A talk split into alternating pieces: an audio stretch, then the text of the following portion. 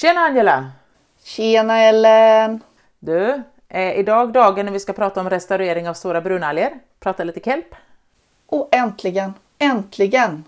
Cool! Ja, jag tycker det. Ska vi börja kanske med att eh, berätta lite om kelpskogar? För det är inte kanske alla som vet. Nej, det tycker jag definitivt att du ska göra. Kelpskogar är viktiga ekosystem som har många arter knutna till sig. Men det är ju det här, eftersom de är under vattnet så är de ju inte lika sedda som våra ekosystem på land. Men vi jämför dem ändå ofta med skogar och därav då att vi har namnet kelpskog. Och kelpen motsvarar ju då de stora träden i skogen som ger hem, de ger skydd och de ger mat åt upp till tusentals andra arter. Men tittar vi på utbredningen av kelpskogar på en global skala så har de faktiskt minskat i en allt snabbare takt. Och det tycker jag är oerhört sorgligt. Men om man tittar på restaureringar så har vi ganska omfattande, omfattande ska man inte säga, men vi har restaurering av ålgräs på västkusten med varierande framgång. Några har varit otroligt framgångsrika. Man söker fortfarande efter de bästa metoderna. Men det, det är ju, ålgräs är ju växter, det vet vi ju. Det är ju sjögräs. Men eh, sen har vi det här med på land där vi har restaureringar för att återskapa förstörda eller hotade ekosystem.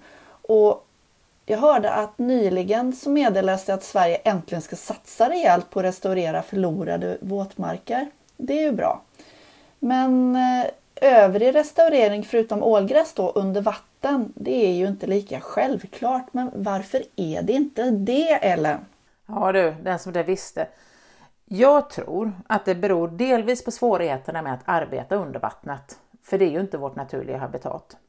Men även att många av de arter som hotas har ganska komplexa livscykler och ganska komplexa samspel som vi inte förstår eller ens känner till. Vi vet helt enkelt för lite i vissa fall om vilka arter som behöver varandra för att överleva och då kan vi liksom inte få dit alla byggstenar och få det att fungera. Men då är det återigen det här, alltså, när man ska klassificera saker och kategorisera saker så kommer man alltid när det är marina organismer. Kunskapsbrist, kunskapsbrist, kunskapsbrist. Exakt. Vi ser ju ändå att det har varit oroväckande stora förluster så att man behöver verkligen skalbara och lättanvända tekniker. Alltså någonting som går att anpassa till olika platser och förutsättningar för att få tillbaks de här marina skogarna. Men du jobbar väl med något sånt eller? Mm, jag gör det. Jag arbetar just nu i ett projekt som heter Green Gravel, eller grönt grus om vi ska försvenska det. Och det är en teknik för att återställa just kelpskogar på norra halvklotet, men man gör också en del försök nere i Australien och Nya Zeeland. Och I korthet så går metoden ut på att man sår eller sporulerar då kelp på små stenar, storleken grus, man odlar upp dem i labbet ett tag till en storlek på några centimeter och sen planterar man ut dem i fält genom att helt sonika hälla i gruset på lämplig plats från en båt. Och den unga kelpen kommer sedan att växa ner över eller flytta sig från gruset och så fäster det mot den underliggande hårdbotten. Men det här påminner ju om när vi pratade om eh, algodlingar och då fäster de på rep istället. Mm, precis, samma sak. Men här är inte avsikten att ha en algodling som är kommersiell som man ska skörda utan här är det avsikten att man ska återställa någonting som är förlorat, eller hur? Jajamän. Här ska det alltså då växa upp och bli en permanent skog. Men här ser jag ju en massa fördelar. Då. Om vi, om vi bortser från att det krävs lite utrustning och pill med att sporulera kelp, som vi pratade om då förra avsnittet, så det är ju ändå relativt billig teknik. Alltså, det är en enkel metod, det kräver inte dykning, välutbildade fältarbetare eller några konstruerade strukturer som kommer försvinna med vågor eller is eller vad det nu kan vara. Och sen eftersom gruset kan spridas från en båt så kan ju metoden skalas upp för att behandla stora ytor tänker jag. För med restaurering är det ju ibland så att det måste till en viss storlek på en yta för att kunna återskapa ett habitat, eller? Ja, det är det ju oftast att, att det behöver vara en, en viss mängd av, av då, i det här fallet kelp eller träd för att det ska bli, få effekten av att kunna hålla sig kvar. Men du, när vi ändå är inne på det, hur skiljer du på habitat och ekosystem? Alltså det är en fråga om skala. Habitat är den speciella platsen i ett samhälle där en växt, alg eller ett djur lever.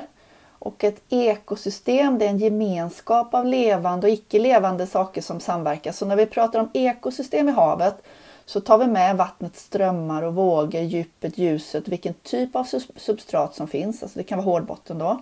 Så enkelt kan man säga att ett ekosystem är liksom, liksom kvarteret en organism lever och habitatet är organismens adress i det området.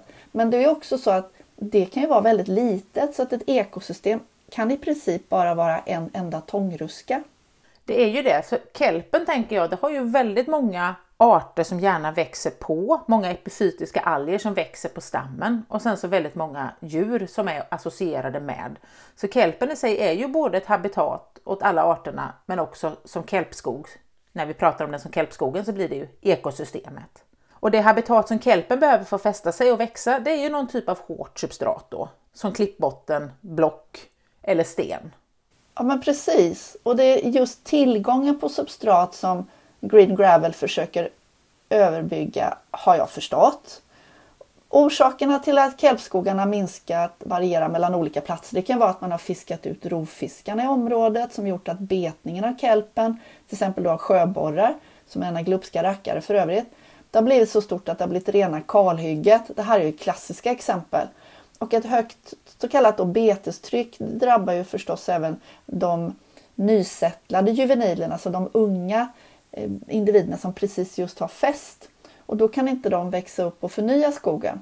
Nej, så problemet är ju att när kelpens skuggande krontak, vilket är det här svenska ordet vi har för canopy, försvinner. För det blir ganska mörkt nere i en kelpskog under krontaket, precis som det är mörkt under träd i en skog. Och då får andra arter möjligheten att ta över nu det blir mera ljus. Nu finns det ledig yta, det finns ljus och det som sker efter ett sånt här kelphygge, om vi kan kalla det det, det är att fintrådiga rödalger tar över och så växer de i täta heltäckande mattor. Och det blir ett mekaniskt hinder som inte lämnar något utrymme för små kelpsporer att komma ner till substratet och fästa sig. Ja, just det.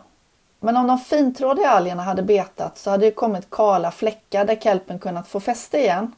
Fast fintrådiga rödalger innehåller ju en hel del otrevliga kemikalier just för att slippa bli uppätna. Så därför bildas det som en heltäckande turf som vi kallar det för, som dessutom skickar ut gifter för att döda av andra arters propaguler. Just för att slippa konkurrensen om plats och ljus. Som inte det var nog så fastnar en hel del organiskt material från vattnet inne bland de fintrådiga grenarna. Så när detta bryts ner så blir det ju syrefattigt inne i turfen. Och rödalgerna är vana vid det och klarar sig. Men de här små kelpbebisarna är så känsliga och då dör de. Så det är ett taskigt läge på flera plan hörru.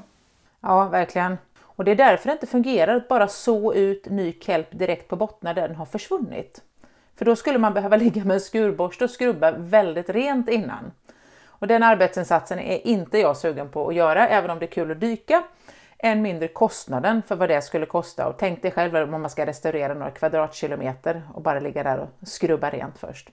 Så forskarna inom Green Gravel de kom på att om man istället sådde kelpen på grus i en storlek på omkring 3 cm i kornstorlek där, så kunde kelpsporofyterna komma upp ovanför turfen, för gruset landar ju på och plattar till turfen. Och då kan den här lilla kelpsporofyten växa till sig utan att påverkas negativt av turfen. Och när kelpen sen blir större så kommer den riskera att sopas bort av vågorna när de kan hugga tag i den. Men i takt med att bladet växer så växer även haptärerna. Och då sträcker sig haptärerna ner över gruskornet och fäster både själva gruskornet och sig själv mot substratet under. För det är mycket lättare för kelpen att få ner sina haptärer genom turfen när den själv sitter ovanför och den är oskuggad och mår bra och kan få mer solljus och till viss del så kan den också skugga och då försvaga turfen. Ja men det är en lysande strategi Fast vi har ju inte så mycket kelpskog i Sverige. Då. Vill vi frossa i kelp så får vi åka upp till Norge och gärna Nordnorge. Jag har dykt i fantastiska kelpskogar utanför Lofoten. Åh, oh, det måste vi göra. Det är tipptopp kan jag säga. Men där just har ju betning av sjöborrar varit en bidragande orsak till den här minskningen. Fast i Sverige så har det mer varit en fråga om att övergödningen gjort att det blir grumligare i vatten av, av mikroalgsblomningar, alltså växtplanktonblomningar. Och då har det lett till att bland annat i Gullmarsfjorden så har kelpen minskat i sin djuputbredning. Torsten Gisslén från början av 1920-talet gjorde en studie som visar att makroalgen i den här fjordens, Gullmarsfjordens alltså exponerade yttre delar växte ner till 15 meters djup. Och i de halvskyddade delarna så fanns de ner till 8 meters djup. Och sen längst in i fjorden, där det är mest skyddat och påverkat från landavrinning, så var det bara till 6 meters djup. Sen följdes den här studien upp eh, 1988. Man tittar på samma lokaler och då visade det att algerna nu inte växte djupare än till 12 meter på de yttre lokalerna, 5 meter på de halvskyddade och inte ens ner till 4 meter på inre lokaler. Så det är alltså en minskning i djupled på 3 meter. Det är faktiskt väldigt mycket. Ja, vi har ju även en annan studie som kom 1998 med bland annat vår goda vän Gustav Johansson. Och de hade också lokaler inne i Gullman från en tidigare studie och det var Mats Werns studie i området från 1941 med lokaler inne runt Stora Bornö bland annat. Och då hittade han 18 olika arter av alger djupare än 16 meter.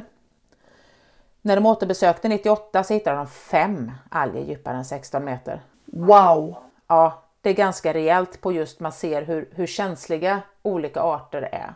Och i snitt så låg djupminskningen per art som man då hade jämfört på 2,8 meter, så lite samma där som eh, studien innan.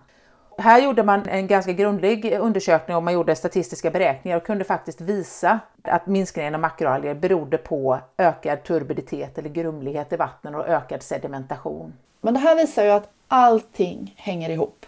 Ja, verkligen. Här, här ser man precis hur hela liksom pillar man i ena ändan så påverkar det i, längre bort. Och det slår ju dessutom olika på olika arter. Vissa är mer känsliga, andra är mer tåliga beroende på vad det är för störning som de utsätts för. Så i den studien kunde de även se en skillnad inte bara i artsammansättningen utan då även i vilka funktionella grupper som klarar sig. Så de som försvann, det var de stora långsamväxande fleråriga arterna medan de små fintrådiga opportunisterna och ettåriga arterna inte påverkades så nämnvärt för de är just opportunister. Så samma fintrådiga matta och få arter breder ut sig även här då. Så vi kan gissa att det här är en bidragande orsak till att hindra kelpen från att komma tillbaka även om siktdjupet nu skulle bli bättre. Precis, samma sak i Gullmarsfjorden även om det då är på lodräta väggar istället för på mer flacka bottnar som i Norge. Men du, Green Gravel hoppas jag även bana väg för mer framtidssäkrande restaureringsinsatser. Och då pratar man genom att sätta ut så att säga odlat grus, som vi nu kallar det för det, med mer motståndskraftiga arter eller artsammansättningar. Och då ser de möjlighet att förbättra kelpskogarnas motståndskraft mot framtida störningar i klimatförändringar. Hur känner vi inför det? På land har vi ju tagit fram olika sorter av, av grödor som klarar av klimatet bättre och sånt här. Ska vi ge oss in och pilla på det i havet också? Alltså det, det här känns ju stort. Och vi ska absolut ta och prata mer och mer ordentligt vid senare tillfällen. Men samtidigt så är det så här att om man talar om restaurering och naturvård och då naturvård i vatten som vi gör här.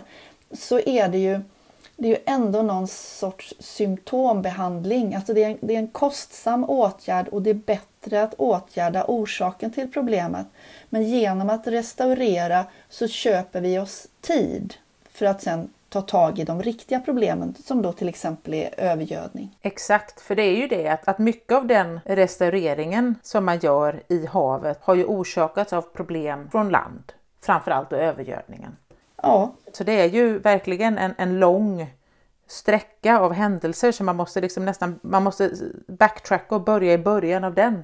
Så vill man restaurera kelpskog så ska man då kanske i Sverige börja med att åtgärda övergödningen. Precis, jag håller helt med. Men samtidigt, vi, vi får jobba på två fronter. Restaurering parallellt med att minska övergödning och alla andra tråkiga företeelser som människan håller på med i våra vatten. Mm, det får vi göra, helt klart. Men det ska bli spännande. Jag har skrivit en del om Green Gravel-projektet på Tångbloggen så att eh, det kan man läsa mer om där om man vill. Såklart att du har och såklart att vi går in på Tångbloggen och kollar. Men då så Angela, då säger vi tack för idag. Ja, det tycker jag. Och så eh, ses vi om två veckor igen. Det gör vi. Ha det fint! Tjing tjing!